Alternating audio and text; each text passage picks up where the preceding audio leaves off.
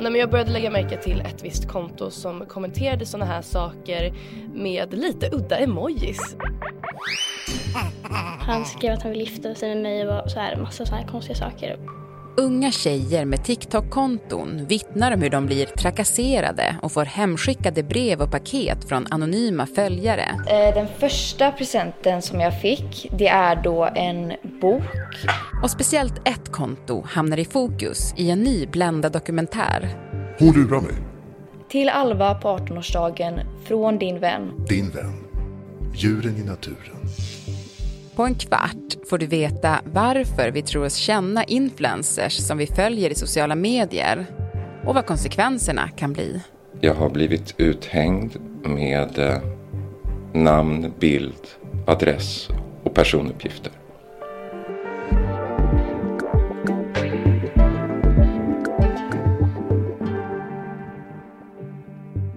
Det är fredag den 30 juni. Det här är dagens story från Svenska Dagbladet med mig, Alexandra Karlsson och idag med Essie Klingberg, redaktör på SvD Kultur. Essie. Hej. Hej. Du, idag släpps din eh, Blenda-dokumentär Jakten på TikToks mest mystiska konto. Hur känns det? Det känns kul. Det har varit en lång och omtumlande arbetsprocess. Så det känns eh, bra att folk kan få lyssna. Mm. Men vad handlar den om? Ja, eh, den här historien börjar lite som en gåta ur en väldigt modern sagobok. Vem är det mystiska kontot som kontaktar unga tjejer på TikTok? Vi kan väl direkt eh, lyssna lite på hur det låter. Mm som en TikToker och så får man ju ganska många kommentarer av liksom småbarn, att man är ens, liksom deras idol och att de ser upp till en väldigt mycket och sådana där fina kommentarer. Så nej, men jag började lägga märke till ett visst konto som kommenterade sådana här saker med lite udda emojis. Det är djuren i naturen som kommenterar med hjärtan och björnar. Och sen så eskalerade de här kommentarerna ganska snabbt till ja, men lite opassande på min plattform tycker jag. När Karma lägger ut en video från sin lägenhet kommenterar djuren i naturen. Snart kanske jag bor där. Och jag la ut en video när vi prankade min pappa att jag var gravid till exempel och han kommenterade. Jag kanske är pappan. Och då kändes det ju väldigt liksom obehagligt liksom och väldigt ja, men opassande. Och ett, och ett, annat sätt att beskriva den här historien är ju att det handlar om spelreglerna på sociala medier. Vad är okej att göra och inte och vad händer när de här reglerna överträds? Ja men precis, som du var inne på så, det är nästan en liksom samtidssaga det här också på många sätt. Eh, och ett begrepp som lite centralt här är parasociala relationer. Mm. Vad är det för något? Ja, alltså parasociala relationer, det är ju då i huvudsak ensidiga relationer. Alltså den relation man kan ha till en kändis eller en, ett nyhetsankare. Eh, alltså att den är medierad, den går genom ja, tvn eller mobilen. Och det här är ett begrepp som egentligen myntades redan på 50-talet eh, när det var väldigt inne med tv också. Mm. Eh, eller tv var nytt. Men mycket har ju förändrats sedan dess och eh, om man jämför liksom 50-talet, då fanns ju det här filmstjärneidealet som var väldigt oåtkomligt och upphöjt medan på dagens sociala medier så uppmuntras ju snarare interaktioner med följare. Och där kan man ju säga att det här informella, eh, förtroliga tilltalet har blivit en sorts branschstandard bland influencers. Eh, så jag skulle säga att en, en parasocial relation idag är inte längre i strikt mening ensidig utan det går ju ganska lätt om du går in på på en influencerprofil kan du ju skriva direkt till den. Och det är ju något som det här kontot tagit fasta på kan man säga. God morgon alla ni där hemma och välkomna hit. God morgon Bengt. God morgon Malou. God morgon Ulrika om man jämför med tidigare kanske när man, om man hade en ensidig relation till typ ett kanske nyhetsankare på Rapport, att man såg det varje dag i tv och kände så här, ja men jag känner typ den personen lite grann. Så idag med de här relationerna till då till exempel influencers, det är också att man får ta del av så mycket av deras privata liv. Som man kanske gör med annars sin, sina kompisar. Så det kan ju bli lite svårt att så här, ja, det här är inte min kompis men jag vet allt om den. Ja, och det har ju vänskapens alla kännetecken. Jag tänker att mycket av det influencers delar är väldigt, eh, det kan vara känslosamma saker, privata saker och det är ju vänskapens yttersta kännetecken. Och det är väl lite av influencerekonomin också, att man ska verkligen vara förtrolig med sina följare för att skapa ett band. Precis, och uh, om man ska knyta an till det här kontot då, Djuren i naturen, så uh, säger ju den i sina meddelanden så här, jag vet väldigt mycket om, om dig för att du delar med dig mycket, men du vet ingenting om mig. Och det är ju en, eh, en tanke som jag tror att eh, många kanske har i bakhuvudet men inte vill kännas vid, för det är en lite obehaglig insikt. Jag känner till det mesta om dig då du är väldigt öppen och berättar mycket i dina videos. I dokumentären så träffar du bland annat då eh, två unga tjejer, Alva och Karma, som båda har konton på TikTok då med ett större antal följare. Vad lägger de upp för innehåll? Ja, det här är två eh, tjejer som har ganska stor publik, eh, ganska olika profiler skulle jag säga. Men utmärkande för just TikTok är ju att det inte är lika tillrättalagt och eh, estetiskt glänsande som på Instagram utan de flesta stora influencersna har ju ganska liksom, alldagligt upplägg, man eh, talar rätt in i kameran, eh, lite som om man skulle facetima med en person. Eh, den ena av de här, Alva, hon har mycket vardagsreflektioner, kanske lagar mat, eh, Karma lite mer humoristisk ton, men så här, ganska vanliga eh, tjejer i övre tonåren. Och det som händer båda då, det är att de får presenter hemskickade från det här kontot då, Djuren i naturen. Vi kan höra Alva. Jag och min mamma var ensamma hemma och eh, vi skulle fira min födelsedag. Då hade hon lagt fram på vårt köksbord eh, ett paket och så sa hon det här är till dig eh, och det är från ett konto. Paketet är prydligt inslaget i presentpapper. Det innehåller den där boken som Alva berättade om i början, Svenska hjältinnor. Och i boken står det till Alva på 18-årsdagen. Från din vän. Djuren i naturen. Jag fick först lite skuldkänslor för jag förstod att det var en följare på TikTok. Eh, och då fick jag skuldkänslor för att den hade köpt någonting till mig. Alva känner att hon behöver tacka.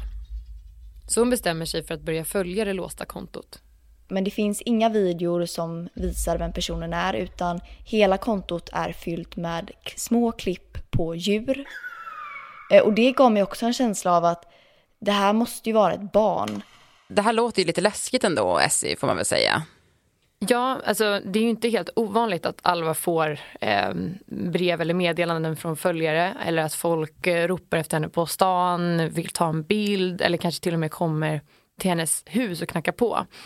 Men skillnaden här är ju att eh, hon inte alls vet vem det är. Eh, hon har varken ett namn eller, eller ett ansikte på personen. Samtidigt som den här personen verkar ha bra koll på hennes intressen, hennes mående, var hon bor. Och där börjar ju uppstå ett sorts obehag. Och jag tänker att den känslan liknar lite den känslan man kan få när man är betraktad eh, utan att veta av vem eller så.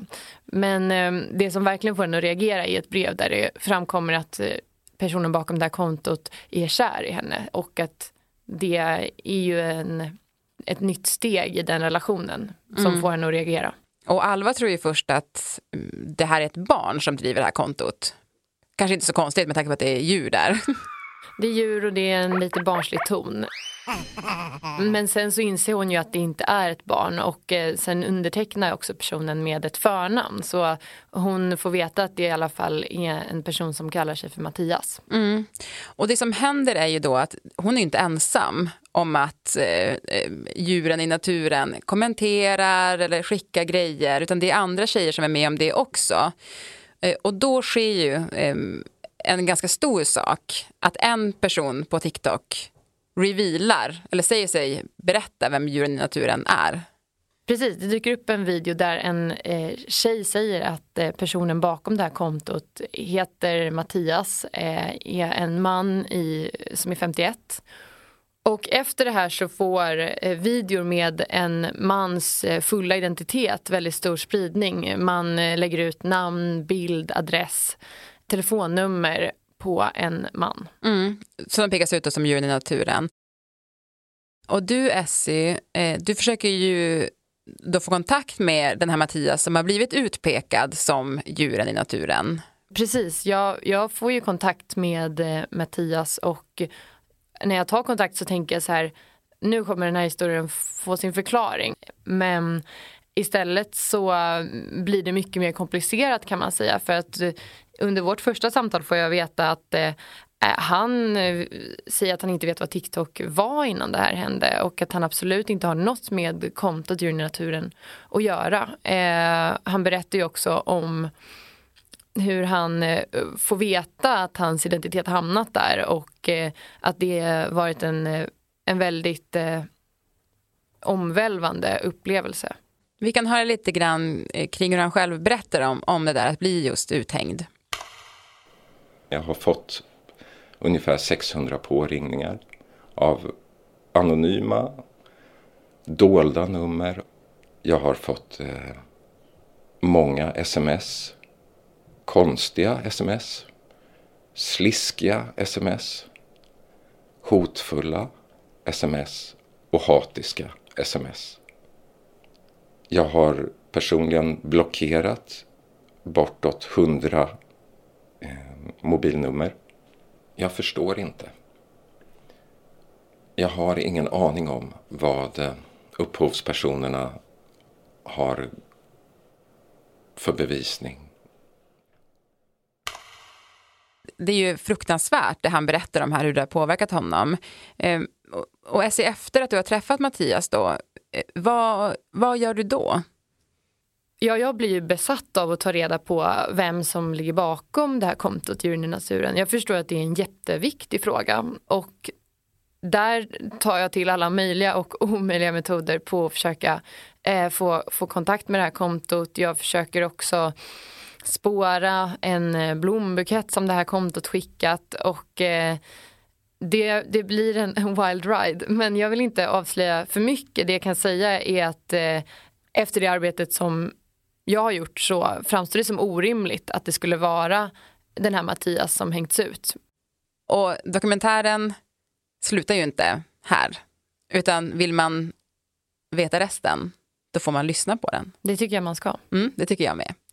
Men du, Essie, ehm, när jag lyssnade på den här dokumentären så tyckte jag verkligen att den satte liksom fingret på det vi var inne på, alltså den här stora samtidsfrågan, eh, att vi idag eh, upplever närhet till folk vi inte känner på ett sätt som vi aldrig tidigare har gjort. Och, och lite börjar man fundera på vad det gör med oss egentligen.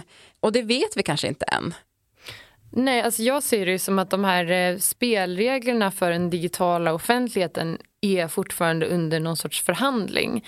Och att eh, det egentligen handlar om att, att vårt sociala landskap på ganska kort tid har förändrats i grunden. Det här med att vi har möjlighet att knyta an till hur många människor som helst tekniskt sett. Det är ju bara ett knapptryck så kan du få veta väldigt mycket om personer som egentligen är totala främlingar. Och eh, det tycker jag är en sak som, som skildras väldigt tydligt i den här historien. Sen kan man ju säga att den, den spänner också över många brännpunkter, alltså gråzonen på sociala medier var egentligen okej att skriva till en person som du inte känner. Verkligen. Och vad händer om man blir uthängd på sociala medier handlar det också jättemycket om. Ja, och den, eh, den maktlöshet som uppstår då när information får spridning. Mm. Det finns mycket eh, att ta med sig av den och den släpps idag på svd.se för prenumeranter och SE. Om man lyssnar på Dagens Story, vet du vad man kan få då? Ingen aning. Nej. En eh, stor hjärna. Förhoppningsvis. Men man kan också få en eh, månads eh, gratis prenumeration på SvD och det är perfekt att utnyttja det då så man kan lyssna på din dokumentär. Och vill man ta del av det erbjudandet så går man in på prenumerera.svd.se snedstreck dagens story. Tack så jättemycket Essie. Tack för att jag fick komma. Jag ska också säga att nu så tar Dagens Story lite sommaruppehåll men vi är tillbaka igen den 7 augusti. Gud vad skönt för er. Ja. men tråkigt för lyssnarna. Men de här veckorna kommer bara swoosha förbi och sen är vi tillbaka igen. Men tills dess, glad sommar. Bra.